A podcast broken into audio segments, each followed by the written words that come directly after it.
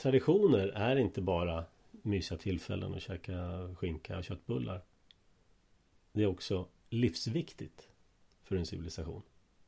Och det är därför det är så farligt när man luckrar upp steg för steg våra traditioner. Tar avstånd från dem, avskaffar dem. Radio Folkungen den 5 december 2023. Idag är det första tisdagen i advent. Vem, vem av er vet vad advent betyder? Sven, Ingrid? Alltså de säger ju i eh, den här, den här man läser i en skola så säger de väntan men det betyder inte det tror jag. Ja, det betyder snarare eh, ankomst. Men jag gissar väl att ankomst och väntan hänger väl ihop. På något sätt. Man eh, väntar ju på någonting som ankommer. Herrens ankomst ger mm. Wikipedia mig. Just det. Precis. Ja, Sven fick underkänt på kristendomskunskapen där. Han fick ju inte prata stackarn. Nej, nej, han fick inte en syl i vädret. Jag får erkänna att jag inte kunde svaret på frågan. Men nu vet du. Mm. Eh, och då passar det bra att påminna om Lusseträffen den 12. Jag kommer vara där, Sven kommer vara där och en massa annat folk också. Man gör så att man går in på hemsidan och så klickar man på en liten text som talar om detta. Eller bannern högst upp. Så får man en mailadress, så mailar man dit, anmäler sig och så får man ett svar av mig. Och några dagar innan träffen så får man veta var någonstans det blir. Jag vill också påminna om forumet. Där eh, det pågår många spännande diskussioner. En av mina favorittrådar är en där folk berättar om hur de ska säga, vaknade eller hittade till frihetstänkande. Och eh, ja, det finns allt möjligt. Från eh, filosofer, och ekonomer och kriminella och allt möjligt. Ansök, gå med, bli del av rörelsen. Så har vi vår stående programpunkt, den gröna bubblan. Tidigare kallat vindkraftsnytt. eh, Sven, jag tänkte släppa in dig här. Har du sett någon ny grön dårskap senaste veckan? Jo, eh, en partikamrat till mig i Sundsvall gjorde mig uppmärksam på att Sundsvalls kommun går nu ut i någon typ av samråd i sitt eh, arbete med översiktsplan. Och varje kommun måste då tyvärr ha en översiktsplan. Vilket är en tämligen planekonomisk eh, sak som utan att fördjupa mig i det handlar om att planera hur kommunen ska användas i framtiden helt enkelt. Alltså det är någon slags övergripande som en detaljplan fast för hela kommunen ja, eller något sånt där. Precis, det handlar om markanvändning. Och då har man, hör och häpna, pekat ut minst två områden. Det kan vara fler, jag, jag hann inte eh, läsa in mig längre än så. Men det är minst två områden där man eh, anser det lämpligt att anlägga vindkraft, alltså solcellsparker. Och det är inga små historier det handlar om då. Det är ena området som är, det ligger ungefär en mil sydväst om Kvissleby, Njurunda. De som är van vid E4 norrut, de vet eh, var det ligger. Inte så många kilometer från E4 helt enkelt, väster om E4. Det är tusen hektar stort. Och det här är naturligtvis precis lika tokigt som vindkraften. Det här är ännu tokigare, för här måste man ju skövla allt. ja, ja. Alltså, eh, det är ju en areal näring i, i, i så mått då att uh, hur många kilowatt man får ut uh, beror helt och hållet på hur många kvadratmeter man tar i anspråk. Men det finns ju andra då nackdelar med det här och det är att uh, det är helt säkert att en solcellspark ger ingen elproduktion nattetid. Det är också sant på våra breddgrader att Eh, produktionen är högst försumbar vintertid. Och allt det här kokar ihop till att, att eh, den här producerar bara en del av året och dessutom oplanerbart en del av tiden, en liten del av tiden. Det, det, det är liksom i linje med allt annat tok på energiområdet kan man säga. Men det är ett vittnesmål ifrån kommunsverige om hur de här gröna utopierna som börjar som politiska idéer väldigt högt upp i hierarkin eh, genom lagstiftning, policybeslut och annat eh, så småningom sipprar ner i knäna på kommunala tjänstemän och så blir det sånt här. Och sen så kommer de gröna lycksökarna in och säljer utrustning och konsulttjänster och eh, för att bygga det här då. Och elpriset fortsätter att stiga och industri får allt svårare att klara sig i landet. Ja. Avindustrialisering pågår. Sen kan jag faktiskt lägga till eftersom jag är yrkesverksam inom halvledarområdet så är jag mycket väl medveten om att produktionen av de här solcellspanelerna det är allt annat än en miljövänlig historia. Det är alldeles för omfattande för att förklara det här men, men, men det är bara att konstatera att det, glöms liksom bort i det här sammanhanget. Man, man, tror att de här solcellspanelerna är no, någonting som inte eh, förbrukar energi, inte påverkar miljön och så vidare i sin produktion och det, det är inte sant. Jag har alltid svårt att föreställa mig hur mycket Hur många hektar var det sa du? Ja det ena området är tusen då sen, sen, kommer inte hela det tas i anspråk och det säger man också i det här förslaget men Men uh, uh, Och det beror ju på hur, hur, mycket en entreprenör vill Nyttja det här också det, det vet man inte heller mm. Jag måste alltid dra roten ur det hela så att jag gör så här eh, Tusen hektar motsvarar en yta på 3,1 gånger 3,1 kilometer Säg 3 gånger 3 kilometer. Mm. Det är det enormt. Ett, ett hektar är 10 000 kvadratmeter för den som inte känner till. Mm. 100 gånger 100 meter. Precis. Ja, spännande. Det blir naturligtvis en, en förlustaffär det också. Har de fått några bra etableringsbidrag eller kommer det dras fram massa kablar och grejer dit på kommuninvånarnas bekostnad?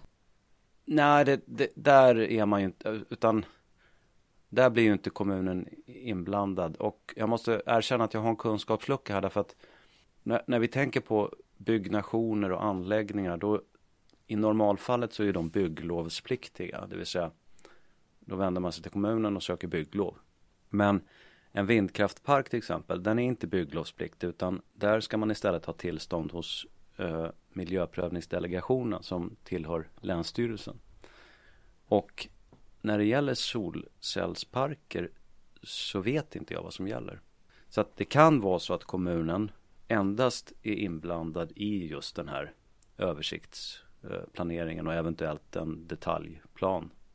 Eh, och i övrigt så sköts alla tillstånd och eh, dylikt av andra myndigheter då. Och eventuella bidrag som är inblandade här det är ju naturligtvis staten eller dess myndigheter som, som står för. Jag måste faktiskt korrigera dig. Du sa att vind, eh, solkraft inte producerar el på natten när det är mörkt. Jag läste för några år sedan. I Spanien så var bidragen till de här solcellsparkerna så höga. Eh, elpriset man fick ut var så högt så att man körde dieselgeneratorer på natten. Eh, som matade strålkastare som lyste på de här panelerna. Så att man lyckades faktiskt producera solkraftel även på natten. Ja, ger man bara rätt incitament så får man liksom det man vill ha eller inte ha. Precis. Den som betalar får vad den vill ha brukar jag säga. Ja, den gröna bubblan. På väg att spricka. Fortfarande. Förra gången så pratade vi om Milei, Argentinas nya president.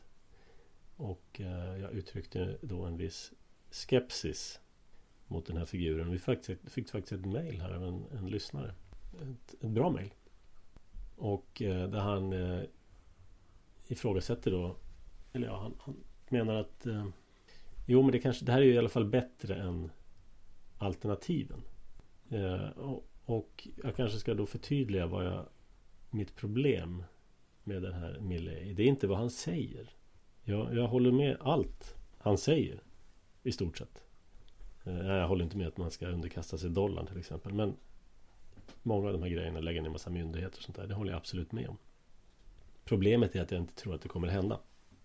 Därför att jag, har, jag ser ett mönster här. Och mönstret är att blandar man sig i eh, Gör man sig beroende av USA och eh, bugar för USA och för Israel då brukar det sluta illa. Det brukar sluta med att landet plundras oavsett vad man säger. Och eh, vi kan titta på Ryssland till exempel. Vi kan titta på som plundrades då efter Sovjetunionen föll ihop. Titta på ja, Ukraina. Titta på Grekland som skuldsatte sig till IMF. Och så vidare och så vidare. Så att eh, det är alltså inte vad han säger som jag vänder mig emot. För jag håller med om det mesta han säger. Men jag tror inte det kommer fungera. Eftersom man gör sig, gör sig beroende. Underkastar sig frivilligt. Eh, USA bland annat. Och är det så som jag sa förra gången. Är det så att man vill ha en, en stabil valuta. Så behöver man ju inte göra sig beroende av dollarn. Utan då kopplar man den till antingen en egen stabil valuta. Eller så kopplar man till guld eller silver. Betydligt stabilare än dollarn. Jag tror inte att det är så att argentinarna är genetiskt oförmögna att ha en stabil valuta. Har man, har man makten som president att byta valuta då kan man lika bra byta den till någonting som är stabilt. Tänkte vi ska prata jul och traditioner. Sen ska vi prata beskattning. Sen ska vi prata, ta en lyssnarfråga. Vad säger ni om jul? Är det något att ha? Eller ska vi byta ut det mot vinterfest? Ja, vad, vad skulle du mena skillnaden är då? Ja, jul är ju en... Eh, ja, jag vet, nu kommer många säga att ja, det är en hednisk högtid och så vidare. Men jag tänker på den kristna julen. Jag förstår. Eh, nej, det tycker jag inte vi ska byta ut. Det är en eh, tusenåra tradition även i det kalla nord. Ja, är det för att det är någonting mysigt? Eller är det för att det har betydelse på något sätt? Ja, alltså det har ju en kulturell viktig betydelse som i och för sig har blivit nog mer av eh, Disneyfilmer och julmust på senaste åren. Men det är ju ändå fortfarande ett visst traditionellt inslag som jag tror gör eh, de flesta gott. Mm. Hur ser det ut i Nysverige Sven? Hur det ser ut i Nysverige, sa du det? Ja, där nysvenskarna bor. Där du Jaha. är. Ja, ja, du tänker så. jo, uh, in, innan jag berättar det så ska jag bara säga. Jag, jag betraktar, det, det är två helger på året som betyder någonting för mig. Den ena betraktar jag som kristen och den andra som vi kan säga hednisk, men, men den, är, den är liksom äldre än jag är inte mycket för asa, tro och sånt där. Uh, det är intressanta sagor, det är intressanta historia. Men, men eh, det som idag i Sverige har ju varit bebott betydligt längre än asatron. Midsommar är för mig en det är inte en kristen högtid naturligtvis. Men, men den är uråldrig och det, det, är självklart varför man på våra breddgrader firar midsommar. Man behöver liksom inte säga mer än så. Julen betraktar jag som en familje... Alltså... Det, det, det var ju ett barn som föddes helt enkelt.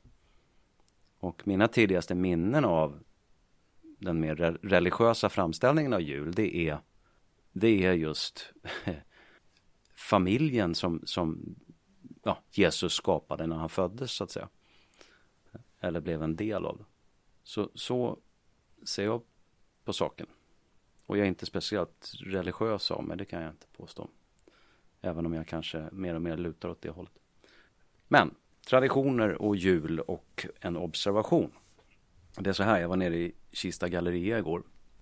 Jag gick till min övernattningslägenhet. Och då går jag igenom gallerian.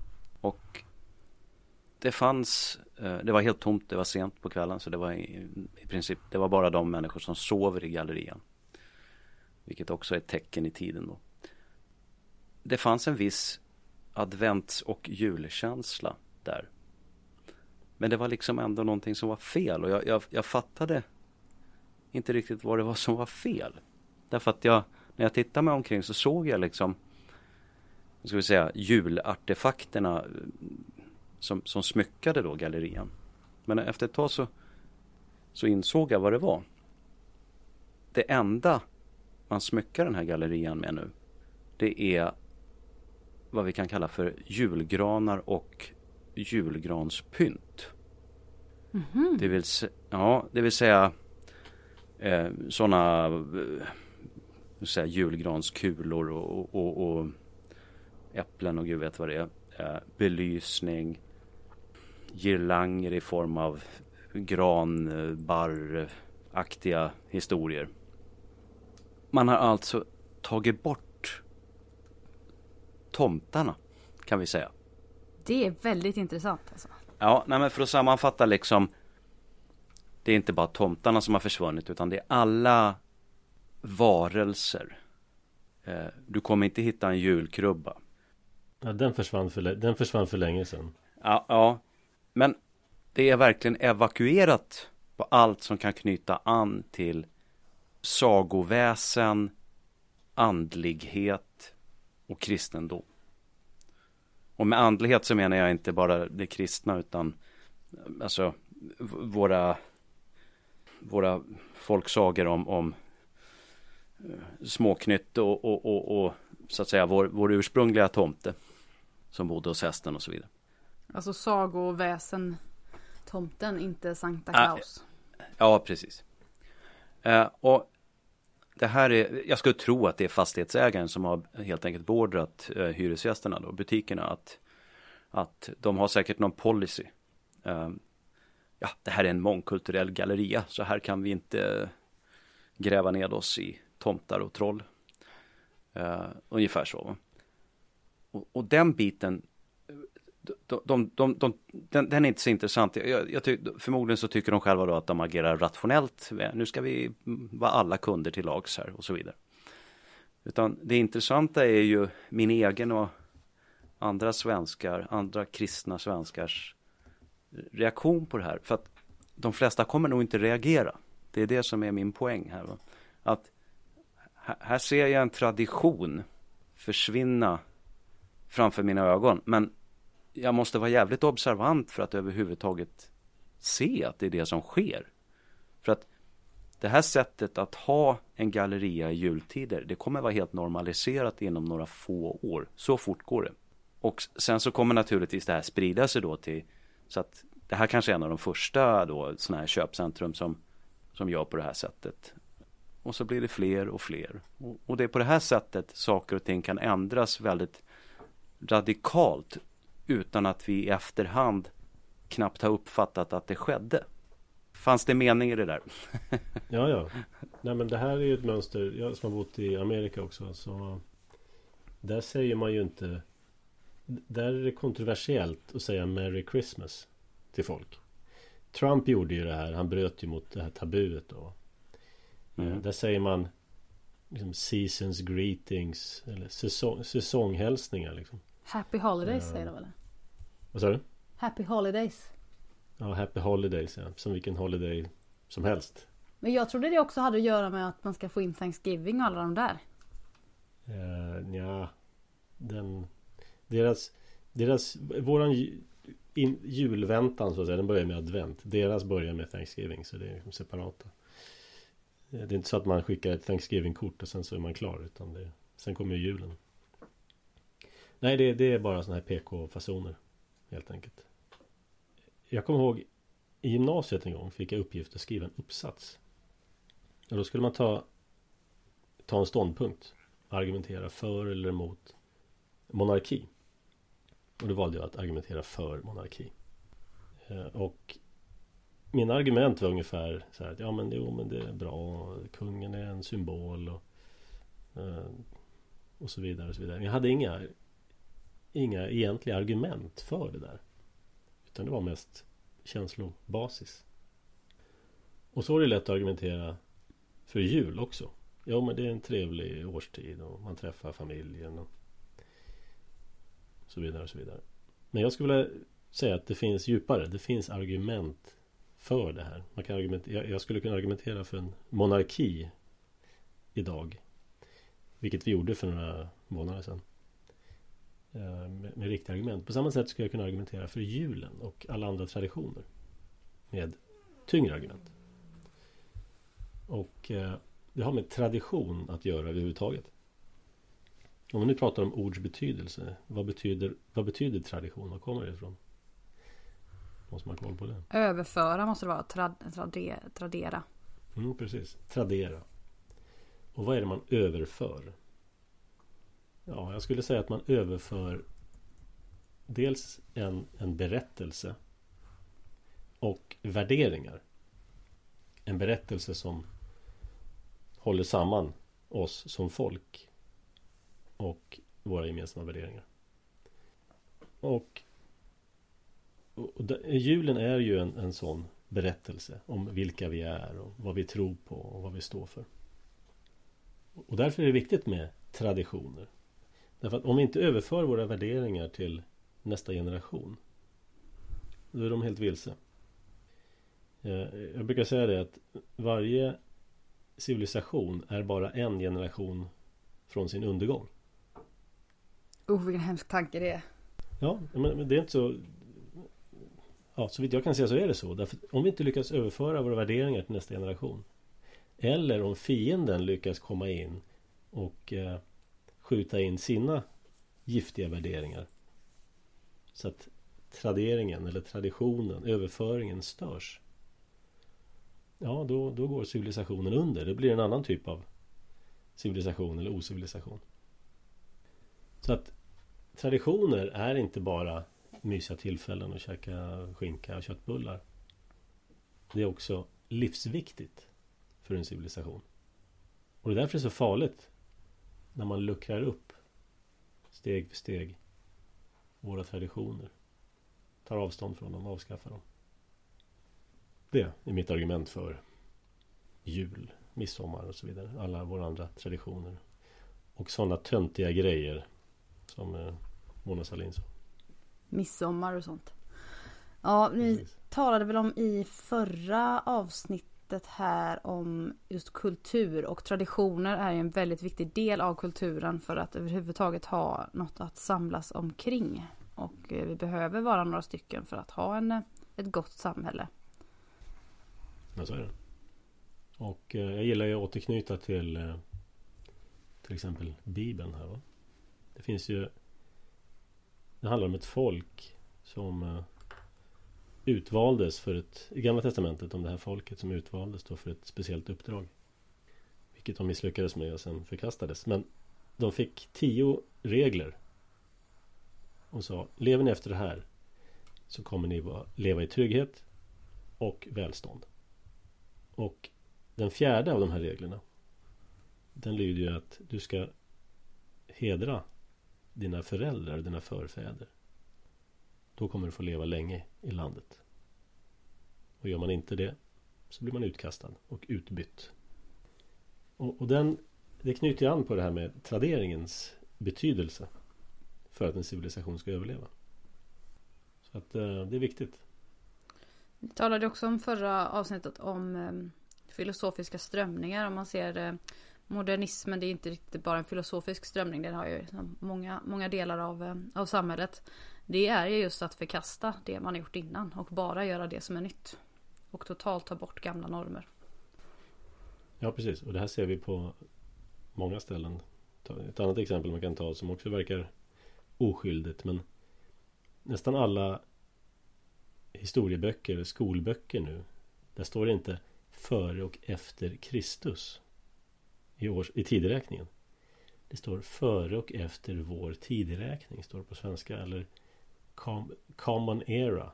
Eller before common era på engelska. Det är exakt samma tideräkning. När man har bytt namn. Och tagit bort Jesus och tomtarna och trollen och allt det här. Jag har en sån, vad ska vi säga, Skräckbild i det här sammanhanget som jag brukar återkomma till för egen del. Om man, om man tänker sig ett folk. Det kan vara Bibelns folk som du redogjorde för Klaus eller ett helt annat folk, vilket man vill i stort sett. Så har de deras etnicitet består av arv och miljö, gener och kultur. Blod och jord. Ja, och uh, båda två är lika viktiga. Generna spelar roll. De definierar kollektivets utseende till exempel. Kanske inte vi behöver fördjupa oss i utan människor med någonting mellan öronen som snurrar. De, de fattar det där utan att oroa sig för att de skulle vara rasbiologer eller något sånt där. Kulturdelen är traditioner, sedvänjor, gemensamma sagor, berättelser. Och skräckbilden jag har, det är de otaliga naturfolk som kanske främst indianer då i, i, i Kanada och USA. Men även eh, flera naturfolk i eh, östra Ryssland, alltså öster om Uralbergen. Och framförallt Sibirien. Som har kvar sina gener men som helt har förlorat sin kultur.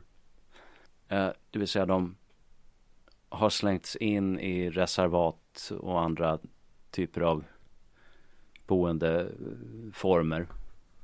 De har berövats antingen med flit eller så har det blivit så av liksom av omständigheterna runt omkring. Men de har helt förlorat sina traditioner och kunskapen om sin kultur. Och poängen är att när, när sådant som inte är nedtecknat slutar att överföras muntligt och försvinner, då är det utrotat precis på samma sätt som drontens gener är utrotade. Va? Och dinosaurierna är, är det, det, det, går liksom inte att väcka till liv igen. Det är borta. Och, och, det är det som är så läskigt för att, ja, du sa det själv, en generation från, från undergången. Mm.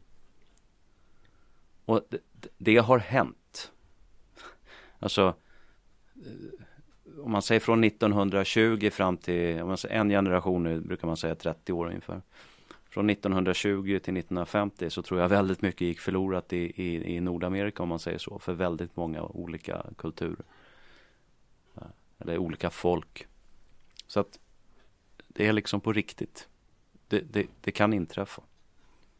Det är också därför centralmakten alltid är intresserad av att införa en homogen kultur och en homogen skola och fostra alla de här folkens barn med en central läroplan. Avskaffa dialekt, förbjuda dialekter och sådana saker. Det var också det här som hände i östra Ukraina, de här rysktalande delarna där de inte skulle få ge uttryck för sina kulturer, inte använda sitt språk. Det skulle utplånas. De skulle ukrainiseras och det här kämpade de emot med näbbar och klor med livet som insats. Mm. Har ni hört talas om kulten av det högsta väsendet? Jag tror inte det. Nej, men då ska jag läsa några rader här. Från Wikipedia. Kulten av det högsta väsendet var en statlig deistisk kult som infördes för att ersätta katolicismen i Frankrike under franska revolutionen. Aha. Mm. Reformen var en del av den pågående avkristningen under franska revolutionen. Den ersatte kulten av förnuftet och var menad att bli den franska republikens statsreligion. Den 8 juni 1794 firades festen för det högsta väsendet i både Paris och resten av Frankrike. Båda dessa kulter förbjöds av Napoleon år 1802. Men det är det här vi har att göra med. Det är kulturrevo kulturrevolutionärer. Det finns ett, eh, ett citat som jag brukar eh, hänvisa till ganska ofta. Och det är Solzhenitsyn. Som säger Allt du behöver göra för att förstöra ett folk Det är att kapa deras rötter. Och jag har citerat det här många gånger men det, det är vad det här handlar om också. Mm. Ni vet eh, julevangeliet om eh, Jesus föräldrar eller ja, när de reser till eh, från Galileen till Jerusalem. Det handlar ju om skattskrivning. Alltså de skulle folkbokföras. Och då reste de då från Nasaret i Galileen ner till Jerusalem. Som var Josefs hemstad. Där skulle han skattskrivas. Så han kunde få betala skatt. Och det råkar ju vara så att vi har en skatteexpert här i, i podden som heter Ingrid. Får inte säga så. Nu får så tror, får folk så höga förväntningar. Nej men jag har förstått det som att vi, vi fick en lyssnarfråga om eh, skattesystemet. Eh, och jag tänkte vi kunde börja. Ja, jag har absolut visst kunnande om detta. Eh, men egentligen så tänkte jag faktiskt att vi skulle utgå ifrån den officiella versionen på Skatteverkets egen hemsida. Det finns faktiskt en ypperlig text där om de svenska skatternas historia. Och man kanske kan tycka då, ska man läsa en sån här text för att förstå hur det fungerar? Ja. Eh, och det här är återkommande för mig. Att jag upptäckt genom alla år att jag läser samma texter som alla andra men gör i princip tvärtom slutsats. Kan ni känna igen er i det? Mm. För jag tycker liksom att all information ligger ju där öppet. Även i böckerna jag läste i skolan. Men många andra drar ju helt andra slutsatser då. Ja, men skatt, det har ju funnits eh, sedan innan Jesus tid eh, och är från början alltid en eh, beskyddarpeng kan man säga. Från, eh, för att kunna, vad säger man, föra krig och försvara ett visst territorium. Och så var det även i Sverige. Man tror att det uppkom så i alla fall. Den, st den starkaste maffian tar sig rätten att beskatta helt enkelt. Exakt, en, be en beskyddad peng. Eh, det är, ju, det är ju så egentligen det funkar idag också. Eh, alltså, vi ger våra pengar till våldsmonopolet. För annars så råkar vi illa ut. Det är exakt som maffian. Ja, ma, alltså i den här texten som Skatteverket har skrivit då så säger man att det kommer den svenska statens uppkomst och där har det väl inte riktigt med. Det har alltid funnits någon slags beskattning från överheten. Eh, och det är ju eh, det är ju vad de skriver också. Det tycker jag också är väldigt kul att eh, beskattning har alltid skett uppifrån och fogdar placerades ut i slottslänen för att driva in skatterna. Och sen så går det bara vidare med att man var tvungen att höja skatterna under vissa krigsår. Att det gick just till när det blev stora krigståg som egentligen befolkningen aldrig har bett om. Då var man tvungen att höja skatten ännu mer. Det var likadant. Men det roliga här, det som, det som, det som du inledde med här. Ja. Att man läser en sak så drar man andra slutsatser. Eh, Alltså den första delen av den här texten Det är ju egentligen Där ska vi förstå att det är dåligt Allt Exakt. det här som skedde Exakt Det var för att föra krig och det var kungen som var girig och, och så vidare va Men sen så gissar jag att det övergår sen i någon slags Jo men nu är det för demokrati och mänskliga rättigheter och sådana grejer Ja, eh, det här är en ganska omfattande historia om eh, hur skatt har tagits ut på olika sätt. Man kan säga under under väldigt lång tid så var det ju avkastningen av jorden. Alltså du tog ut beskattning i form av eh, smör eller eh, det kan också vara i vissa metaller. Eh, och också till viss del eh, eh så eh, tog man också ut det i krigsföra män såklart. Det är också ett sätt att, att beskatta. Och de som var frälse, som kallas adel också. Det var ju de som istället ställde upp med eh, eh helt enkelt vapenföra män. Ja, men sen när vi kommer fram mot eh, 1900-talet, då har vi det skattesystem som vi känner igen idag. Eh, och då berättar Skatteverket för oss att det kommer av sociala reformer som Socialdemokraterna vill införa. Det känns igen va? Mm. Skatt, av, skatt av godhet. Exakt, då blev det av godhet helt plötsligt. 1902 ska den första mer moderna skattesystemet i Sverige ha inletts då. Eller in, eh, införts. Men sen under eh, hela första delen där på när, folkhemmets uppbyggnad på 30-talet så börjar man just med att lägga mer punktskatter. Från början var det ju mer man säger, ja, men generellt på arbete. Arbete har ju i det moderna skattesystemet varit det som har beskattats mest. Innan har det varit avkastning av mark. Ja, det kräver ju väldigt mycket administration och register för att beskatta personer. Precis. Det hade man ju inte på den tiden. Det var lättare att bara beskatta avkastningen på marken. Ja, ja och sen hade vi inte, alltså innan det kapitalistiska systemet så hade man inte heller den typen av eh, förvärvsarbete som man kunde beskatta på det sättet.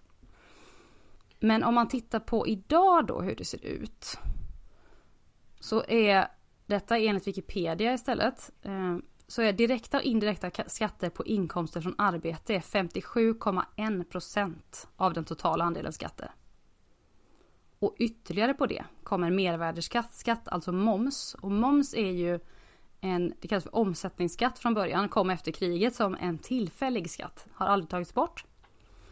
Den är 22,1 procent av den totala skatteintäkten.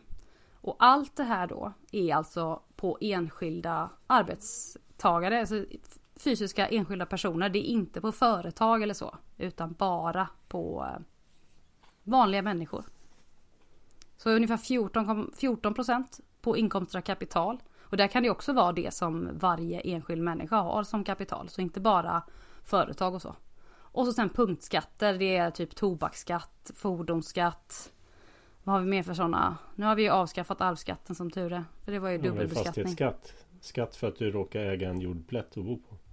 Precis, det är en sån. Eh, public service-avgiften är en sån där också. Snart blir det luftskatt också, eller koldioxidskatt på att vi andas ut och kör bil och sånt. Ja, dessutom skulle vi ha ny värnskatt igen. Det hade vi under andra världskriget. Man var tvungen att höja för eh, få till försvaret. Så världens högsta skatter ska tydligen inte räcka till ett försvar som från början är hela grunden till skattesystemet. Det tycker jag är väldigt intressant. Att det har gått hela vägen runt. Nu är utgifterna så stora för allting som från början inte skulle ingå i detta system. Just det. Ja, det är väldigt, väldigt grova drag. Eh, man kan läsa mycket mer själv i den här texten. Eh, bara googla på den svenska skatternas historia. Och så se om, eh, om ni gör samma tolkning som jag. För precis som du nämnde där Klaus, så från början är det som något ont och sen långsamt övergår det till att vara någonting fint istället. Och det är imponerande hur man lyckas få fram det i en text på detta sätt. Ja, alltså, hur, man kan läsa det här eller skriva den eller publicera den utan att dra den slutsatsen utan, utan att se det själv. Jag förstår inte det. Eh, jag vet inte heller. Men, men, men är, är, är det fint då? Idag? Alltså Har vi inte passerat det fina stadiet och nu är vi i det axiomatiska stadiet. Det vill säga att idag tar man bara skatterna och framförallt, framförallt då deras storlek. Man tar det bara för givet rakt upp och ner. Ja, inte bara det. Det är någonting fint. Vi tar, det finns ett ord som skattemoral till exempel. Ja, jag vet inte om man gör det. Jag tycker inte ens Alltså varenda jävla sosse försöker ju fiffla med skatten. De kan inte tycka att det är speciellt fint då. Ja men det, fast det där är ju Alltså Det gäller ju inte dem. Kungen betalar inte du skatt till sig själv. Utan kungen ska ju ha skatt. Jag kan ju ta upp en av saker som retar ja. mig mest med skattesystemet. Förutom att det är alldeles för hög skatt. Men det är att de som avlönas av skatt betalar skatt. Mm. Hur onödigt och sjukt är inte det? De ska ju få netto i så fall av skattepengar. Mm. Jag tycker också det är en intressant historieskrivning att de här stödfunktionerna i samhället möjliggör välstånd. Det har vi varit inne på många gånger. Men just att de som egentligen är tärande skulle på något sätt vara de som är möjliggörare. Ja, det där pratade vi om lite grann förra, förra veckan faktiskt. Med sossarnas program där. Det skulle vara speciell status för de samhällsbärande individerna. Vi väntar på resultatet från den arbetsgruppen men eh, vi misstänker att det är offentliga anställda. En sak här som jag tycker är intressant det är ju att man då Eh, är det unikt för vår tid att det blir någon slags godhet av skatt. Jag, jag har mina misstankar om Birger Jarl. Eh, han införde ju Han ville ju centralisera lagen Innan det så hade ju, var ju lagen en lokal sak för att hålla ordning i samhället. Sen kom ju de här landskapslagarna som blev en nedteckning av, av lokala lagar och något av en harmonisering landskapsvis. Men Birger Jarl införde ju Han började driva på för en central juridik. Och eh, i hans juridik så blev också kungen staten del av målet. Så att om man betalade ett skadestånd, skulle betala ett skadestånd så skulle då kungen ha en del av det här. Men han sägs ju vara den som införde lagar som kyrkofrid, kvinnofrid och eh, jag har svårt att tänka mig att det var socialt acceptabelt att våldta kvinnor eller eh, härja sönder en kyrka innan Birger Jarl uppfann de här lagarna. Men vad jag tror han gjorde, det var att han sålde in sin centrala, centraliserade lag genom sådana här lagar. För vem kan säga nej till kvinnofrid och kyrkofrid? Du hatar väl inte kvinnor? Det är lite grann som de här barnkonventionen som man tryckte igenom. Som används för att terrorisera barnfamiljer. Ja, fy. Men du, du hatar väl inte barn? Ja. Eller kvinnor med jämställdhet är det nu. Ja. Nu är det ju, om du inte är feminist nu för tiden så gillar du ju inte, hatar du ju kvinnor. Jag var på vippen att säga det idag och jag gjorde inte det. Att jag inte är feminist alltså. Mm. Det tar så fel. Nej, men det måste du göra. Ja, Få en chans till. det får bli när man känner folk lite bättre. Det blir så. Nej, men så att det, det här med att eh, skatt och lagar är godhet. Det tror jag är gammal. Det är propaganda som används tidigare, men eh, just i skatten så kanske mer modernt. Företeende, jag vet inte. Ja men alltså det, alla de här sakerna är ju gamla trick. Det är ju inte mycket nytt alltså. Och att eh, man har använt eh, skatter till, med lite att liksom, muta medborgarna med välfärd, man ska säga. Det har ju också alltid funnits. Alltså kyrkan var ju jätteskicklig på det. Tog in större och större skatter under en viss del av, av Sveriges historia och Europas historia för den delen. Och just använder det till, alltså säkert bra saker också. Det är inte det. Jag, jag menar inte att all skatt går till dåliga saker. Men eh, det har alltid varit ett eh, ojämlikt förhållande. I och med att den som tar in skatt står ju och hotar dig med en hillebard eller fängelse nu för tiden. Mm. Ja, det är ofta är det medelklassen som de i mitten på samhället som, som betalar mest. De som eh, äger mest. De har ju alltid sätt att komma runt det. De har bra kontakter. Och de som äger minst, det är de man köper. Ja, precis. De billigaste rösterna. Det där tror jag också på något sätt är en naturlag i de flesta samhällen. Att de kapabla människorna är ju de som drar det tyngsta lasset. Och det får man ju bara acceptera. Det här, det här är problemet när alla har en röst. Oavsett hur mycket man bidrar med. Därför att vad man gör som politiker, då rangordnar man alla människor efter hur billiga deras röster är att köpa. Då börjar man med de fattigaste och så köper man deras röster ganska billigt med lite sociala program och gratispengar och sjukvård och skola och sådär. Sen när man har köpt dem, ja då blir det lite dyrare. Då kommer man upp lite grann i den sociala hierarkin. Då får man höja skatten lite grann för att kunna köpa de rösterna. Och sen kommer man upp, upp, upp, upp högre och sen så stiger skatten då. Så att, att skatten stiger det hänger ju också samman med det statsskick vi har. För rösterna blir hela tiden dyrare att köpa. Jag minns en sådan riktigt härlig episod av just eh, när jag förstod hur lite folk förstår vad det är de röstar på. Det var när jag pratade om sex timmars arbetsdag. Och så sa jag någon ja det finns ju på förslag. Och då löste upp i den här personens ögon. Va? Vilket parti ska man rösta på då? Va, "Eh, är det en viktig fråga för dig? Ja, ja det är Miljöpartiet. Ja, vad har de annars då? Alltså, det var liksom, det räckte för den här personen. Ja, du ser. Det var en bill, billig röst att köpa alltså. Ja. Och ba- bara komma med ett förslag då. Förmodligen skulle det inte blivit något ändå. Ja, Men jag rekommenderar den här texten och eh, även läsa på lite om eh, skattetrycket för att få en...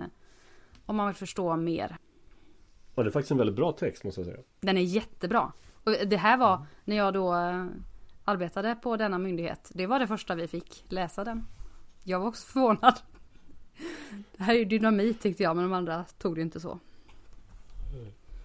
Nej men det, det, det, överhuvudtaget är det svårt att man, man ser någonting. Man kan titta på en film där eh, rebellerna är hjältar mot en övermäktig eh, statsmakt. Så hejar man på liksom, de som kämpar mot orättvisorna. Men sen så befinner man sig i verkligheten och så drar man inte samma slutsatser. Nej det är faktiskt konstigt. I, I sammanhanget så vill jag tipsa om ekonomifakta då. Eh, För den som vill ha siffror på sånt som rör staten, kommunerna och ekonomi. Och där kan man då hitta ett diagram som visar eh, skattekvoten. Alltså det vi brukar kalla för skattetryck. Eh, skatteintäkterna uttryck, uttryckta som andel av BNP. Hur den har eh, varierat då från jag tror att man har data från 1900-talets början tills idag. Och då ser man tydligt eh, när det skenade iväg. Och det var ju framförallt under 60-talet. Just det, mycket prydlig. Ja, fin liten, man kan interagera med den också. Bra ja, tips. Ja, precis. Ja, det, det är utmärkt. Och när vi ändå är inne på ämnet så kan jag ta några sekunder till att rekommendera även jag tror att det heter Din kommun i siffror. Det finns också Oh. på Ekonomifakta. Där kan man få en lista över alla kommuner, man kan välja parametrar och man kan jämföra kommuner emellan och, och så vidare. Det är, och det är allt ifrån inkomstskattens storlek till, till andelen högutbildade i kommunen, eh, eh, arbetslöshetssiffror och så vidare och så vidare. Eh, Vem driver bra den här? det är väl Timbro tror jag. Eller ja, Svenskt Näringsliv på Ja. något sätt. Som jag inte alls tycker om faktiskt. Uh, tycker de är värdelösa. Men sidan Ekonomifakta, de är, det är riktigt bra. Vi gillar inte Skatteverket heller, fast de är väldigt duktiga på sitt uppdrag och eh, de har gjort den här bra texten. Så att eh, man ska inte förkasta information bara det är från en källa man inte håller med saker om. Men det här, det här är också roligt. Det brukar vara sådana omröstningar om Sveriges bästa myndighet. Och då hamnar Skatteverket nästan alltid i topp. Mm. Alltså folket älskar Skatteverket. Ja men de har ju så bra service. Ja tror jag det. Ja, precis. Kosingen ska in liksom. Ja, alltså det... eh, Snacka Ja, om Stockholmssyndrom. eh, ja. Men vad, vad, vad tror du är incitamenten? Ja, till att ha bra service ja. Ja, precis. Ja, exakt. Nej men alltså det är så, det är så roligt. Folket. Hopplöst. Vi fick en uh, lyssnarfråga här som jag tänkte vi ska ta lite snabbt. Vad tycker vi om faderskap och moderskap? Hur är våra ideal? Men även samhällsstrukturer som hjälper och stjälper. Nu ska vi se. Men även, just det, men även hur samhällsstruktur hjälper och stjälper er och eller svenskarna att vara den önskvärda fadern och modern. Hur kan vi förbli de fäder och mödrar vi önskar i en verklighet av institutioner och påhittade artificiella regler? Alltså det här ämnet tycker jag inte du ska säga vi ska ta snabbt. Men vi kanske kan eh, få återkomma till det. Vi är ju alla föräldrar här eh, i olika faser. Det är väl, ja, Sven och Klaus, ni är väl nästan eh, lika gamla som föräldrar så att säga. Ja, jag är väl några, några år äldre. Vi är väl i samma fas ungefär, Ja. tror jag. Ja, vad säger ni? Hur ska man vara? Hur man, hur man ska vara. Eh, ärligt talat, det är inte ofta jag säger så här, känn efter själv. Jo, det säger jag visst. Jag säger tänk efter själv. Men här tycker jag verkligen att man ska tänka själv. Och observera det som är omkring dig som du tycker fungerar bra. Respektive dåligt. Och mitt tips till... Eh, jag råkar veta att det här kommer från en, en person med mindre erfarenhet i föräldraskapet så skulle jag tipsa om att titta på hur det fungerar både tillbaka i tiden och utomlands. Och du behöver inte gå särskilt långt, alltså kulturellt långt bort. Det räcker med att titta på, alltså bara som exempel Danmark eller Storbritannien eller USA som är väldigt lätt att, att få, få till sig hur det fungerar där och, eh, och förstå då eh, vilka olika perspektiv det finns på saker. Mm. Jag skulle säga att eh, lita på din känsla. Det är väldigt många föräldrar idag som är osäkra. Man läser böcker och man googlar och man eh, hur gör man det och det. Men jag tror att mycket av hur man ska vara är medfött. Det är inte så svårt. Det, man tar hand om, man försvarar, man, eh, man lär dem. Man eh, skämmer inte bort dem. Eh, förutom med tid. Det kan man aldrig skämma bort barn med för mycket. Det går väl ändå emot många känslor om man vill skämma bort sina barn eller inte. Ja, alltså det jag menar Skäm inte bort dem så att de blir odrägliga. Nej. Och inte, och inte kan försörja sig själva. Nej, precis. Som, som förälder så vill man att ens barn ska växa upp och bli självständiga individer. Det är ju ett, självständiga och, lyckliga individer. Och föra släkten vidare. Det är i alla fall mina mål. Som... Duglig, eh, ett duglig avkomma vill man ju ha. Absolut. Så att, eh, och, jag är ju väldigt konservativ i mina värderingar och uh, undervisar mina barn i deras könsroller. Ja, jag skäms inte för det. Liksom. Det där tycker jag är intressant. Vad, och vad menar du är de, de könsrollerna? Könsroll, eh, för pojkar så är det att deras könsroll är att bli eh, fäder och familjeförsörjare. Och flickornas könsroll är att bli mödrar och eh, fostra barn. Eh, inte göra karriär, det är inte det viktigaste.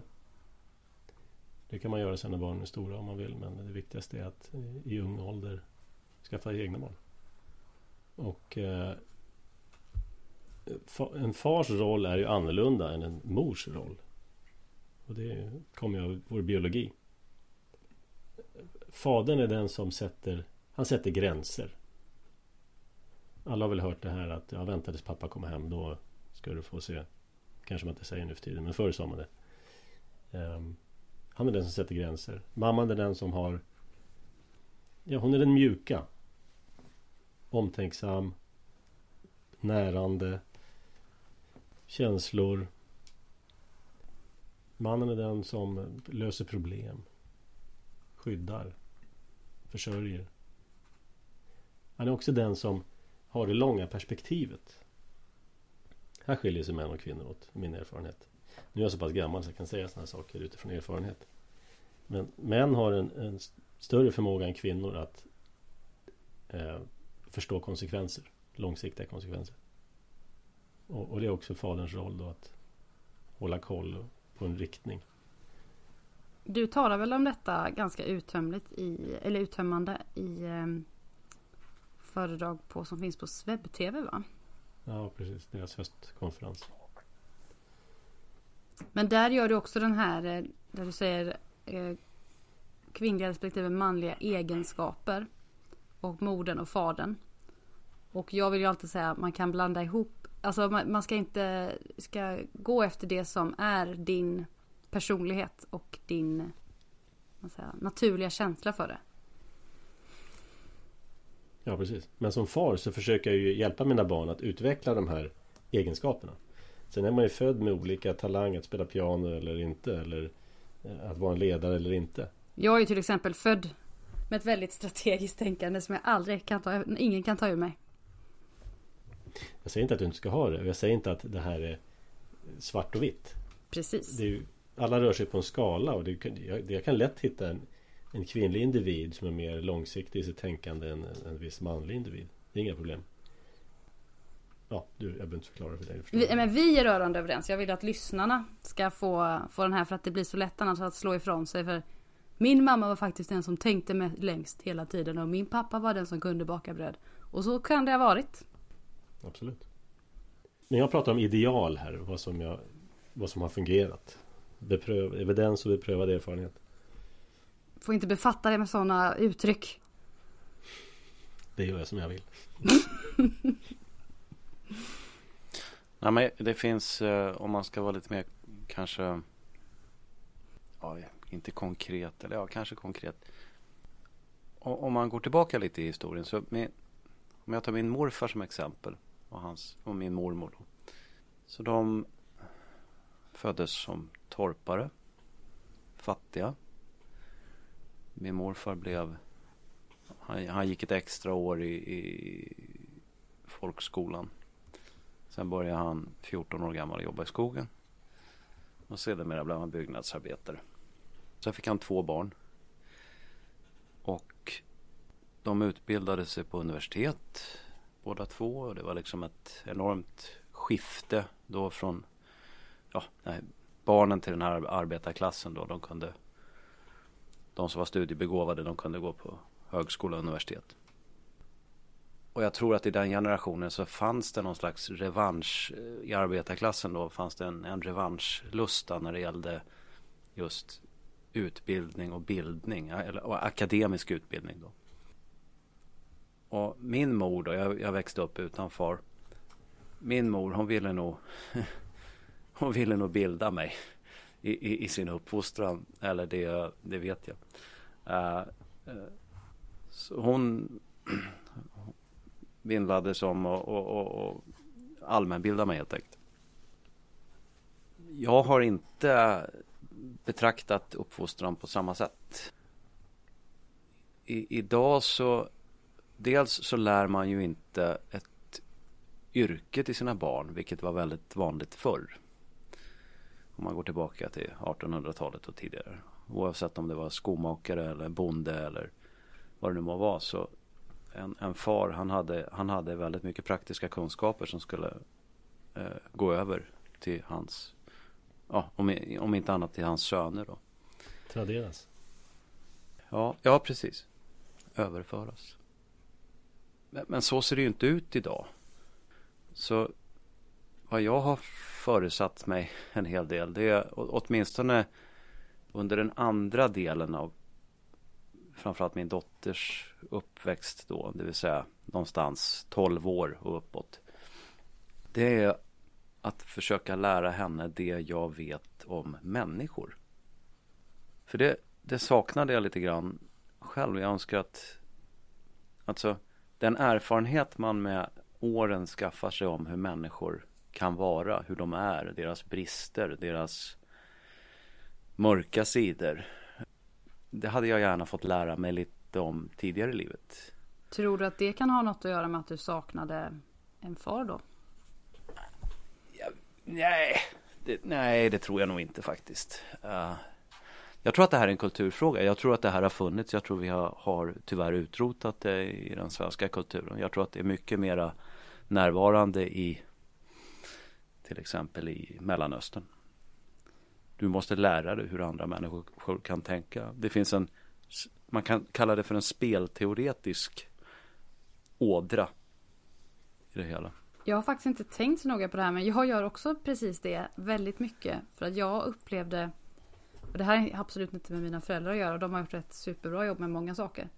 Men eh, att det som du nämnde där förut Klaus, att man kan se på en film och se hur människor beter sig men inte applicera det till verkligheten. Och det tror jag aldrig att jag fick riktigt lära mig. Men jag har all den kunskapen för att jag är en observant person. Nu försöker jag istället lära min dotter hur det fungerar. Med både sagor och berättelser men också i vardagliga situationer som hon kommer att berätta dem för mig om. Just att avkoda världen på det sättet. Ja, ja men precis. Man måste lära sina barn och, och, och, och, och ungdomar om, om narcissister, om charlataner, om psykopater. Japp. Om svartsjuka, om avundsjuka. De måste, alltså det där är vik, viktiga saker och det, det är, det är ju inte närvarande längre va. Alltså det finns ju inte i den det är ingenting som förekommer på barnprogrammen i tv om jag säger så. Nej, det finns ju en allmän eh, känsla av att folk var dumma förr och nu är alla så snälla. Ja, men precis. Exakt så. Att, att det, den här moralevolutionen har nu nått vägs ände och vi är, är, har uppnått någon slags nirvana då. Nu har vi demokrati. ja, och värdegrunder. Nej, men jag tror att det är viktigt det du säger också här ondska. Det är ja. ett av de, en, en, av de saker vi har förlorat mest eh, under avkristandet av Sverige. Begreppet ondska. Det är alltså människor som avsiktligt gör onda saker mot oss. Sånt måste barnen också få veta. Oftast för deras egen vinning. Ja. Och eh, vad som är farligt i livet. Och vilka krafter som eh, som påverkar. Vad, politiker sysslar med. Eh, jag vet inte om ni har läst boken Populärmusik från Vittula? Ja, men jag kommer knappt ihåg den. Ja, det finns ett avsnitt där i alla fall när en ung man Hans pappa säger nu ska vi ta snacket Jaha, då tänker han nu är det liksom blommor och bin och sådär. Jag tror att de sitter i en bastu och så. Nej, inte det snacket gäller. Utan snacket gäller vem som är vem och vem som har gjort vad och vem som är fiende och vem som är vem. Och det, ja, det, det fastnar hos mig. Jag tror att det, det är någonting som våra barn behöver veta också. Jag försöker hela tiden, nu ska inte det här bli några barnuppfostringstips men det upplevde jag själv som barn att ingen riktigt tog mitt parti när jag hade uppmärksammat någonting. Jag har ju berättat om det tidigare här i podden just att jag kunde stå och se på saker som jag tyckte var så uppenbara som ingen annan liksom verkar notera. Och sånt gör jag mycket nu att om jag ser att någonting händer som jag också märker att mitt barn observerar. Då säger jag, jag har också sett det här.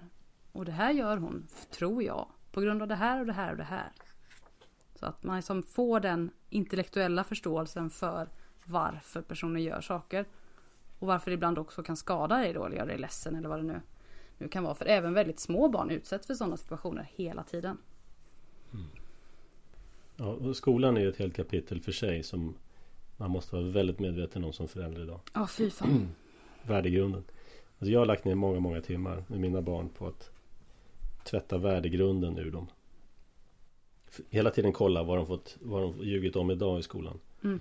Och följt upp och diskuterat. Och det går att fostra barn i den här miljön.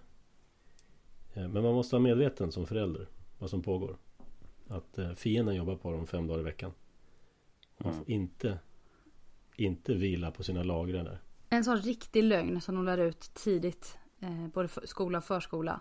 Det är att man ska vara vän med alla. Det tycker jag är hemskt alltså. Du ska lära dig hantera alla människor. Du ska inte vara vän med alla. Absolut inte. Nej, precis. De säger ju till och med kamrater. Alla dina klasskamrater heter det Eller hette det när jag var liten i alla fall.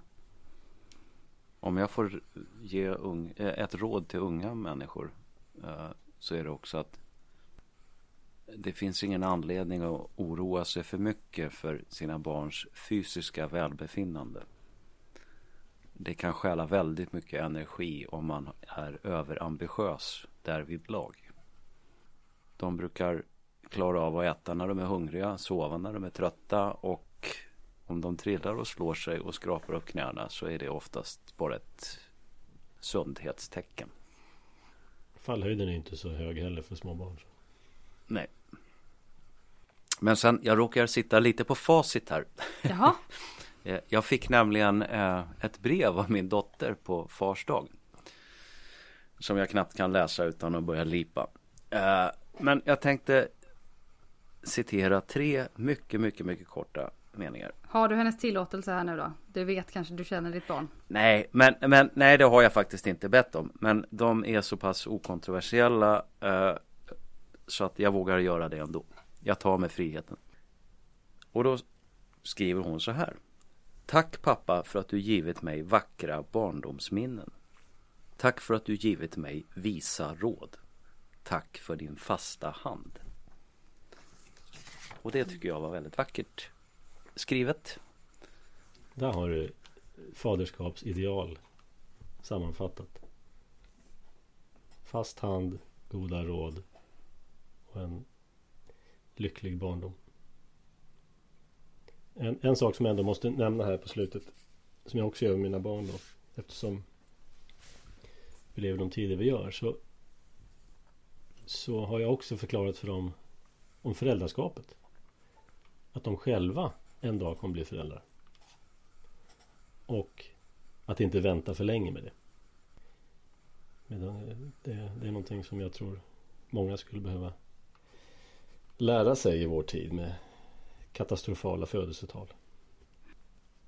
Så att, eh, och där är, det hänger ihop då med könsrollerna. Du ska bli mamma, du ska bli pappa och man får egna barn. Och sådär.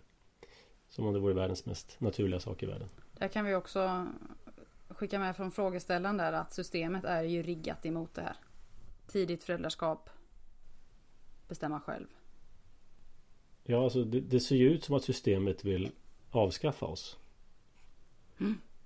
Jag vet inte, ja, på tal om ondska, om det finns en sån tanke bakom eller om det bara är dumhet. Det är den eviga frågan.